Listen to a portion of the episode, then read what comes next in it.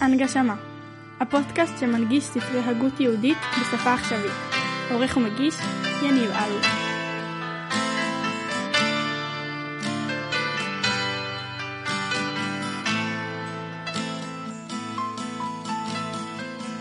ידידי שכחת חנותך בבן שדי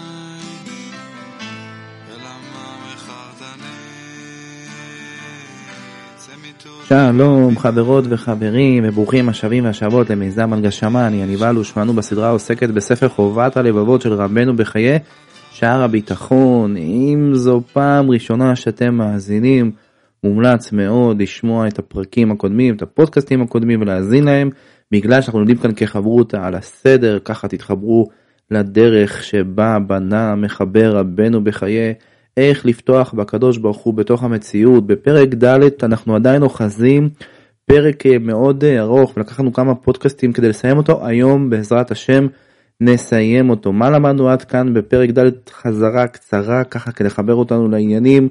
דיברנו על דברים שטוענים טעונים ביטחון על הבורא יתברך ורבנו בכלל חילק אותם לשבעה חלקים. את השלושה החלקים הראשונים זה דברים שקורים בעולם הזה והתועלת שלהם היא לעולם הזה. שם לאורך כל הדרך רבנו בחיי תמיד לימד אותנו שהביטחון שלנו צריך להיות על התדר הזה שהכל מאת השם יתברך והכל לטובתנו וכל התרחישים שקורים לנו בין אם זה קשור לגוף שלנו ולבריאות ובין אם זה קשור לקניין ולפרנסה ובין אם זה קשור למשפחה ולחברים שסביבנו הכל במיוחד תפור לנו כי זה מה שיוביל אותנו לתכלית בחלק הרביעי והחמישי אותם אה, למדנו בפודקאסט הקודם רבנו בחיי לקח אותנו לאיזשהו אה, פיק נוסף או לאיזשהו דיוק נוסף שאני מאוד אה, באופן אישי מאוד התחברתי אליו ואהבתי שזה נקודת הבחירה האמיתית. ושם בנקודת הבחירה האמיתית האדם פוגש את נקודת הלב שלו ואת נקודת הרצון שלו לקיים מצווה או חלילה וחס לבצע עבירה. וזאת הנקודה שהיא באמת בחירית ואדם תלוי אך ורק בעצמו והוא לא יכול להתפלל השם יתברך שייתן לו שהלב שלו ירצה לקיים מצוות. למה? כי זאת נקודת הבחירה. כל מה שקורה בכל העולמות וכל מה שקורה בכל המציאות הוא בדיוק בשביל הנקודה הזו ולכן רק זה בידיים של האדם. מה כן נמצא בידיים של האדם בקשר לבחירה שלו בקשר למצוות? אז רבנו בחיי לימד אותנו שזה קשור לביצוע להוצאה לפועל. שם כן אפשר להכניס תפילה שם כן אפשר לבקש מהקדוש ברוך הוא שיעזור לנו ויסייע לנו להשלים את המצווה או שנצליח להימנע מעבירה בגלל שנקודת הרצון שלנו בבחירה שלנו היא באמת כזאת. נקודה נוספת שלמדנו בפודקאסט הקודם היא זה שאם יש בני אדם שמעורבים בקיום המצוות אז שם יש את מה שנקרא את יצר הרע נכנס לתמונה ואפשר אולי להגיע לגאווה וכדומה. רבנו בכלל נתנו כמה עצות טובות ולזכור שלמצוא חן בעיני אחרים לא תלוי בנו כי למדנו את זה בעצם בחלקים הראשונים ולכן לעשות הכל לשם שמיים ולהיות מחוברים להשם יתברך. זהו, זה ההקדמה שמחברת אותנו לכל מה שלמדנו עד עכשיו, ובעצם מביא אותנו לסוף פרק ד' שעוסק בחלק שישי וחלק שביעי של הדברים שטוענים ביטחון בבורא יתברך. ומה הם? החלק השישי, מה שעכשיו נפרט, זה קשור למסחר העולם הבא שניתן אה, לאדם לפי המעשים שלו, ורבנו בחיי יסביר את זה וגם יפרט למה העולם הבא לא כל כך מפורט בתורה, זה יהיה קצת אה, טיפה אריכות בנושא הזה, אבל אני אסביר את זה כשנקרא את הפרק עצמו. והחלק אה, השביעי יעסוק יותר בעניין של השכר של העולם הבא, שהקדוש ברוך הוא נותן לנו כחסד אה, נוסף. גם זה נפרט כשנגיע לדברים. הנה זהו, זה התמונה השלמה כשנתחבר. בואו נתחיל ונלך ללשון המחבר על החלק השישי. אז הנה מתחילים. ופירוש החלק השישי, הכולל את שכר העולם הזה ואת שכר העולם הבא המגיע לאדם עבור מעשיו הטובים בעולם הזה הוא כך. השכר עבור קיום המצוות ניתן בשני דרכים. לפעמים הוא ניתן רק בעולם הזה או רק בעולם הבא ולפעמים מגיע לאדם שכר עבור מצווה אחת גם בעולם הזה וגם בעולם הבא. והתורה לא פירשה לנו היטב איזה שכר ניתן על כל מצווה ומצווה. הבורא הבטיח לנו רק באופן כללי שייתן לנו את השכר כשנקיים באופן כללי את המצוות, אבל הוא לא פירט את השכר הניתן בעולם הזה עבור כל מצווה ומצווה, כשם שעשה זאת לגבי העונש הניתן בעולם הזה עבור כל עבירה ועבירה, שפירש את העבירות שעושיהן חייבים סקילה, שרפה, אריק וחנק, מלכות 40, מיתה, כרת, תשלומי כפת, תשלומי ארבעה וחמישה, נזקי שור, בור, שן ואש, העושה לאדם מום, המוציא עליו שם רע וכיוצא בזה. ואילו מהשכר והעונש הניתן בעולם הבא לא פירש לנו משה רבנו עליו השלום בתורה מאומה מפני כמה טעמים. אז רגע לפני שנלך ונצלול פנימה את מה שרבנו בחיי מלמד אותנו ומדוע התורה לא אומרת לנו את ה, אה, מה יהיה השכר שלנו בעולם הבא וגם מה יהיה חלילה וחס עונש של העולם הבא, אני רוצה להזכיר לכם את מה שלמדנו בדרך השם ועל מה שנקרא הרמח"ל כינה את זה רבנו רבי חיים לוצטו הנהגת המשפט שיש דברים שהאדם עושה והשכר שלהם יהיה באמת לעולם הבא ויש דברים שהשכר הוא בעולם הזה למשל רשעים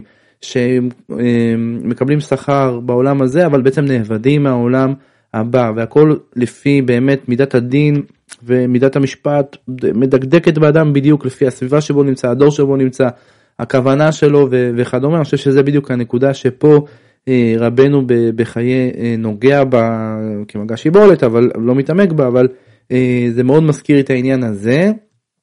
ושם אדם צריך להבין ש, שכמובן מה שמגיע לו הוא יקבל. עכשיו רבנו בחיי יצא למהלך של מספר הסברים שמסבירים מדוע בכל זאת משה רבנו לא אמר לנו מה יקרה בעולם הבא ומה תהיה המשמעות של עולם הבא כי זה מאוד, מאוד מוזר שזה לא כתוב בתורה אלא רק בתורה הזהירו אותנו.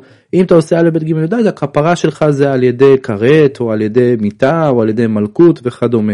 אבל לא אמר לנו מה נקבל בעולם הבא לא היה פירוט של הדברים וזה מעניין נקודה מעניינת באמונה שראוי להבין וללמוד אותה והנה עכשיו רבנו מחיה ילמד אותנו אני קצת יריץ את זה אה, ונלמד אה, ביחד אז הנה אני ממשיך בלשון המחבר.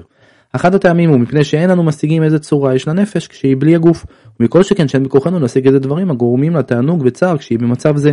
והשם פירש את הדברים הללו רק למי שמבין את העניין הזה כמו שאמר השם ליהושע הכהן הגדול ונתתי לך מהלכים בין העומדים האלה. אני עוצר פה שנייה עומדים הכוונה למלאכים.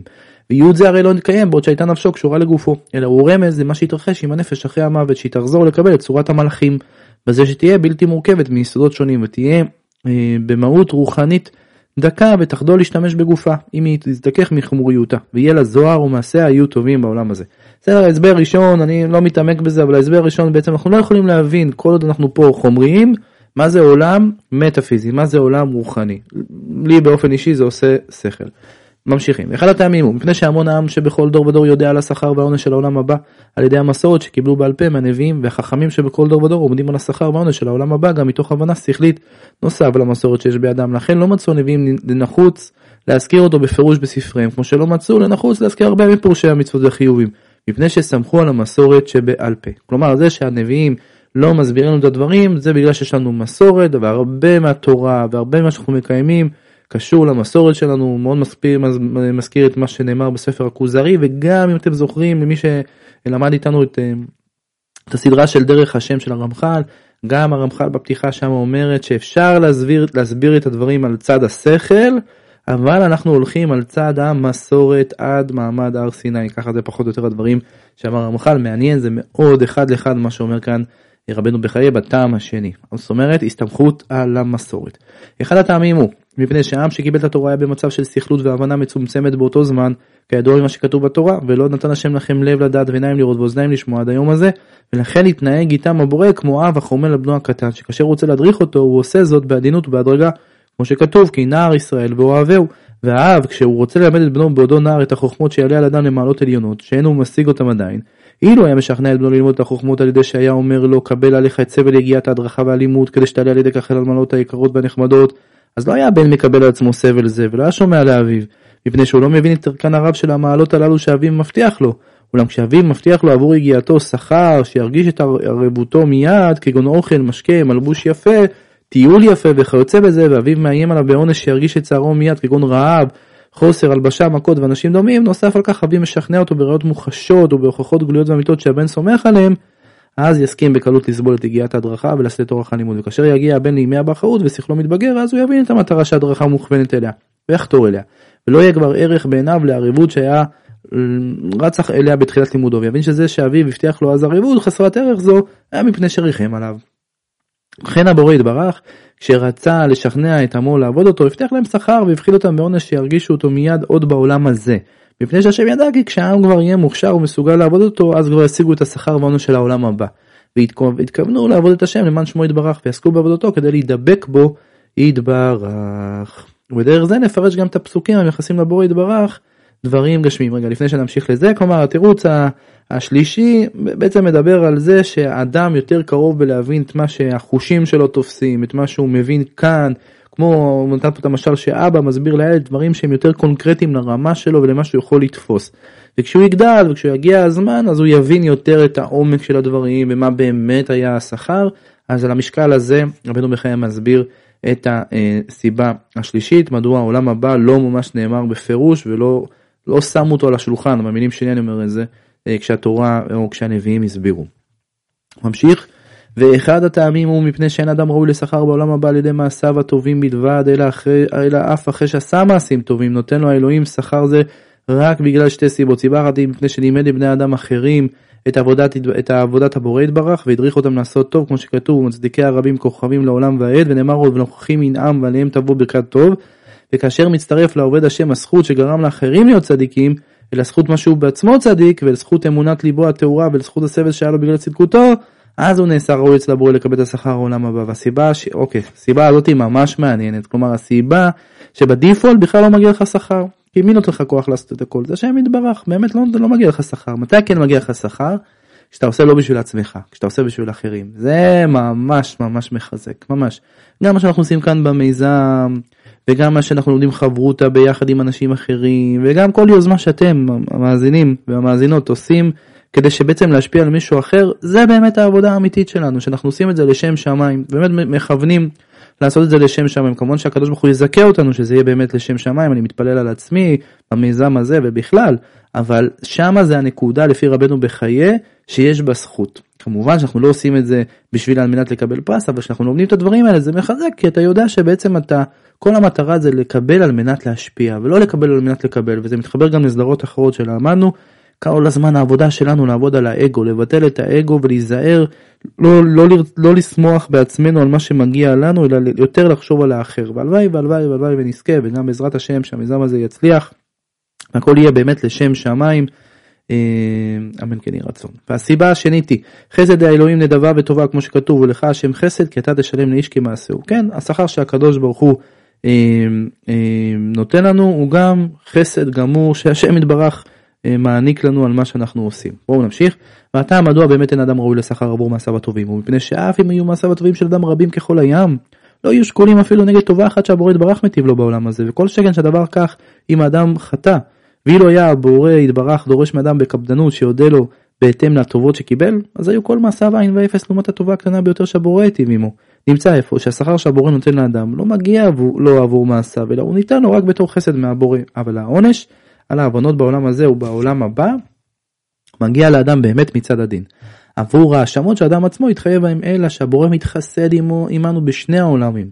כמו שכתוב לך אדוני החסד ונאמר עוד והוא רחום יכפר עוון ולא ישחית. מדהים זאת אומרת כאילו באמת מצד הדין לא מגיע לנו שכר בכלל כמו שעכשיו רבנו בחיי הסביר את הטעמים הללו. בואו נמשיך. ואחד הטעמים הוא מפני שהמצוות נחלקו לשני חלקים, חלק אחד הן המצוות שהן נסתרות מבני אדם, שאף אחד אינו רואה אותם חוץ מהבורא, כגון חובות הלבבות וכיוצא בהם, כן כל הספר הזה נקרא חובת הלבבות.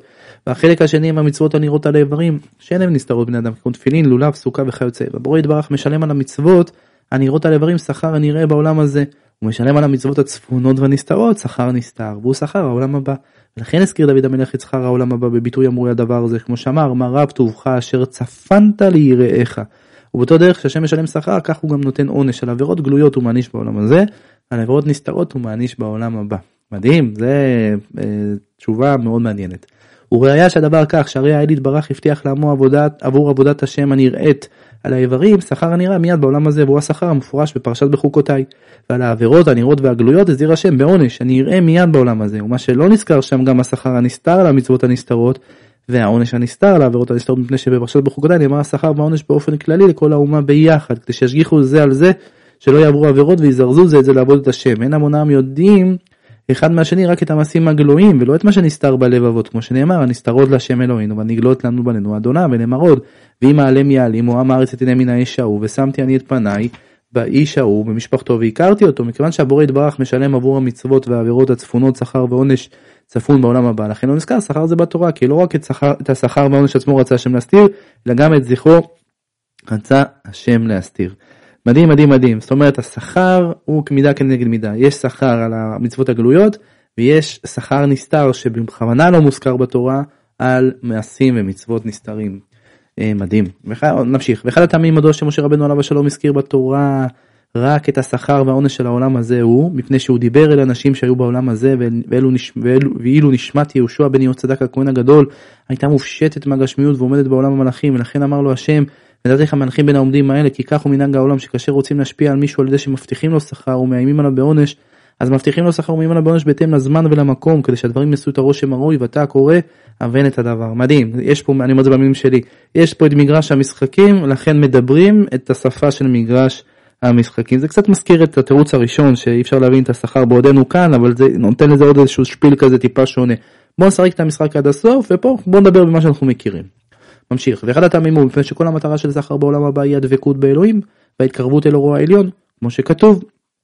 והלך לפניך צדקך כבוד השם יאספך ונאמר עוד והמשכילים יזהירו כזוהר הרקיע ונאמר לאור באור החיים ורק מי שהבורא רוצה בו יכול להגיע לדבקות והתקרבות זו ומאחר שרצונו זה של הבורא הוא כל היסוד של שכר העולם הבא כמו שכתוב כי רגע באפו חיים ברצונו ומאחר שבפרשת בחוקותיי נאמרו בפסוקים אלו שיש ללמוד מהם שכאשר נשמור את התורה אז האלוהים ירצה בנו כמו שנאמר ולא תגאל נפשי אתכם ונאמר ופניתי אליכם והייתי לכם לאלוהים ואתם תהיו לי למה הרי גם שכר העולם הבא נזכר בתורה מדהים מדהים זה ממש מה שאומר רבנו הרמח"ל רבי משה חיים לוצטו האדם לא נולד אלא כדי להידבק אה, ולהתענג על השם זאת אומרת אם התורה הקדוש ברוך הוא אומר תשמעו אם תעשו את המעשים האלה אני רוצה אתכם כלומר אתם דבקים בי אז זה השכר זה ההסבר על השכר. והביטחון על האלוהים שישלם את שכר העולם הזה והעולם הבא שהבטיח לצדיקים עבור עבודתו למי שהוא ראוי לו ושישלם כמו כן את העונש למי שהוא ראוי לו הוא חובה למאמין ואמונה זו היא אחד מעיקרי האמונה באלוהים כמו שכתוב האמין בהשם וחשביה לו צדקה ונאמר עוד לולא האמנתי לראות בטוב השם בארץ אה, החיים. כלומר היסוד הזה של דבקות בעולם השכר הוא מוזכר בתורה, הוא מוזכר אה, אה, ב, לאורך כל הדרך ולכן זה מתחבר גם לשכר שכל השכר הוא עניין של דבקות. ולמדנו את זה בסדרה של דרך השם וגם בסדרה של אה, מסילת ישרים. ולא נכון מצד המאמין שיפתח על מעשיו הטובים שיהיה בטוח אצלו שיקבל את שכר העולם הזה והעולם הבא עבור מעשיו אלא יתאמץ וישתדל להודות לבורא עבור הטובות שהוא עושה לו תמיד לא מתוך תקווה להשיג בעתיד את השכר שיגיע לו עבור מעשיו אלא אחרי שישתדל לפרוע לבורא את ההודעה שהוא חייב לו תמורת טובותיו הגדולות. יפתח לאלוהים שייתן לו שכר עבורה בתור חסד. כמו שאמרו רבותינו זיכרונם לברכה אל תהיו כעבדים המשמשים את הרב על מנת לקבל פרס אלא הבו כעבדים המשמשים את הרב אה, שלא על מנת לקבל פרס. ויהיה מורא שמיים עליכם ואחד החסידים היה אומר אם יעשה יעשו עם האדם חשבון מדויק במה שהוא חייב לאלוהים על הטובות שעשה לו אף אדם לא יוכל להגיע לשכר העולם הבא אם לא על ידי חסד אלוהים. לכן אל תפתחו על מעשיכם אלא על חסד אלוהים ודוד המלך אמר בעניין הזה ולך אדוני חסד כי אתה תשלם לאיש כמעשהו. כלומר העניין הזה של הדבקות והעניין הזה של להיות מחובר להשם אה, יתברך זה בעצם גם יושב על גם עניין של אמונה שהשם הוא, הוא באמת נותן שכר לשומרי למי ששומר את המצוות שלו ומעניש את מי שעובר עליו. ואדם לא צריך לסמוך על, ה, על המעשים הטובים שיקבל להם שכר אלא צריך לפתוח בהשם שייתן לו שכר בתור חסד וזה בעצם התשובה המרכזית פה ש, שמה שרבנו מחיה שהביטחון שלנו צריך להיות שהקדוש ברוך הוא ייתן לנו שכר בתור חסד ועל הדרך גם רבנו בחיי לימד אותנו את הטעמים מדוע השכר של העולם הבא לא מוזכר בתורה. בואו נמשיך לחלק השביעי ובעצם נסיים את הפרק, אני ממשיך בלשון המחבר. הוא פירוש הביטחון הנכון שיש להשתמש בחלק השביעי הכולל את הטובות הרבות שהאלוהים עושה בחסדו לבחירה ואהוביו בעולם הבא, אשר לא נוכל לספור אותנו זה. שיעסוק האדם באמצעים שיביאו אותו אל מדרגת החסידים הראויים לכך שהאלוהים ייתן להם בחסדו טובות אלה, והאמצעים אלה הם שיתנהג במידות הצדיקים הפרושים המואסים בעולם הזה, ויסיר מליבו את האהבה ואת התשוקה לעולם הזה, ובמקומה יכניס לבו את אהבת הבורא יתברך, וימסור את הנהגת עצמו לידי הבורא יתברך, וכל שמחתו ושעשועיו יהיו רק בו יתברך, ויתבודד ויתרחק מהעולם הזה ומהאנשים השקועים בהבליו, ויתנהג בדרכי הנביאים והחסידים, ואז ליבו יכול להיות בטוח באלוהים שיעשה עמו חסד בעולם הבא, כשם שהוא עושה זאת עם הנביאים והחסידים, אבל מי שבוטח באלוהים, שיזכה לאור חיי העולם הבא שלא באמצעות מעשים טובים מצידו, הוא שוטה וטיפש, הוא דומה לאלה שנאמר עליהם, עושים מעשה זמרי ומבקשים שכר כפנחס. מדהים מדהים מדהים. כלומר, כדי לזכות בדרגה העליונה של העולם הבא, אדם צריך לשאוף להתנהג כמו הדרגי הנביאים והחסידים. אני מוכרח לומר שהדברים האלה כבר מתחילים מאוד מאוד להתחבר לי מה שלמדנו גם אה, בתומר דבורה של רבנו הרמ"ג, רבי משה קורדברו, וגם, כמו שאמרתי, בדרך השם ומסילת ישרים בוודאי של אה, הרמח"ל. והסימנים שאפשר להכיר עליהם את האנשים שזכו למעלה גדולה זו הם שהם מלמדים לאנשים אחרים כיצד לעבוד את הבורא. הם סובלים ועומדים באמונתם כשהשם מביא עליהם ניסיון וצרה, ואף דבר לא כבד עליהם כשהוא נוגע לקיום מצוות הבורא יתברך. כמו שידוע לך מפרשת העקדה שאברהם אבינו היה מוכן להעלות את יצחק בנו לעולה, ומהעובדה של חנניה מישל ועזריה שהעדיפו להישרף בכבשן האש מאשר לעבוד, עבודה, לעבוד עבודה זרה, ומהעובדה של דניאל שהושלך לגוב האריות על אשר עבר על ציווי דריווש המלך והתפלל השם, ומהעובדה של עשרת הרוגי מלכות שמסרו נפשם על קידוש השם כדי לעמוד באמונתם. כן, כל, כל בעצם הדוגמאות הללו זה דוגמאות שלהם אנחנו צריכים לשאוף שהם מסבירים לנו מה זה באמת להיות אה, עבד השם אמיתי וכמה מי שמתקרב לניסיונות האלה ולמעשים האלה כן יכול אה, לפתוח והקדוש ברוך הוא שהוא יביא אותו לחיי העולם הבא. ויש עולם הבא, אה, דיברנו על זה במסילת ישרים, יש עולם הבא ויש עולם הבא. אתם זוכרים, רמח"ל חילק את זה לשלמי הדעת, לפחותים מהם ולהמון העם. וכל אחד יכול למצוא את עצמו בחלק מהחלקים הללו, אבל זה הכל תלוי בך איפה אתה רוצה להיות. אה, אני מניח שאם אתה רוצה להיות כמו הנביאים אז אתה מכוון יותר לנקודה של שלמי הדת. בואו נמשיך.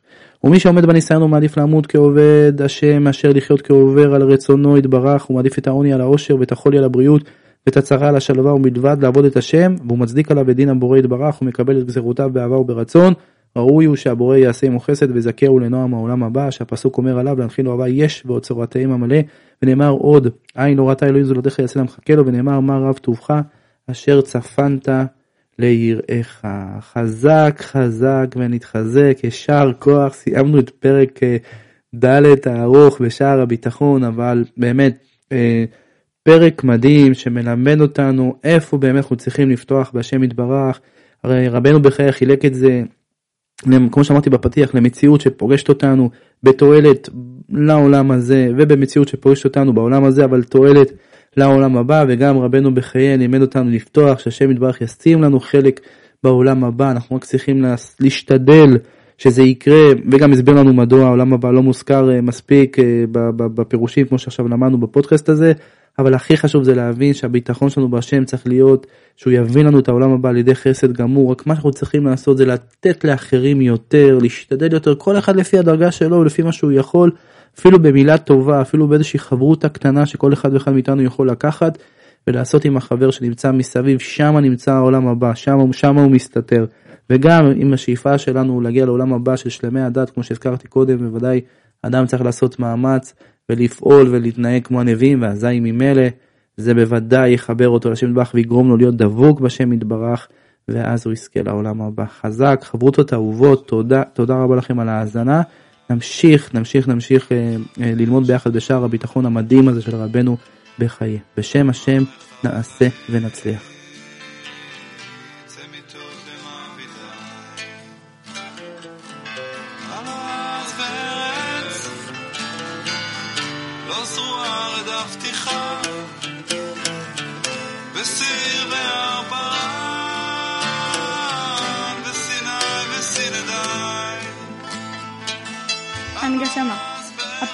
שמנגיש ספרי הגות יהודית בשפה עכשווית. עורך ומגיש, יניב אלוש.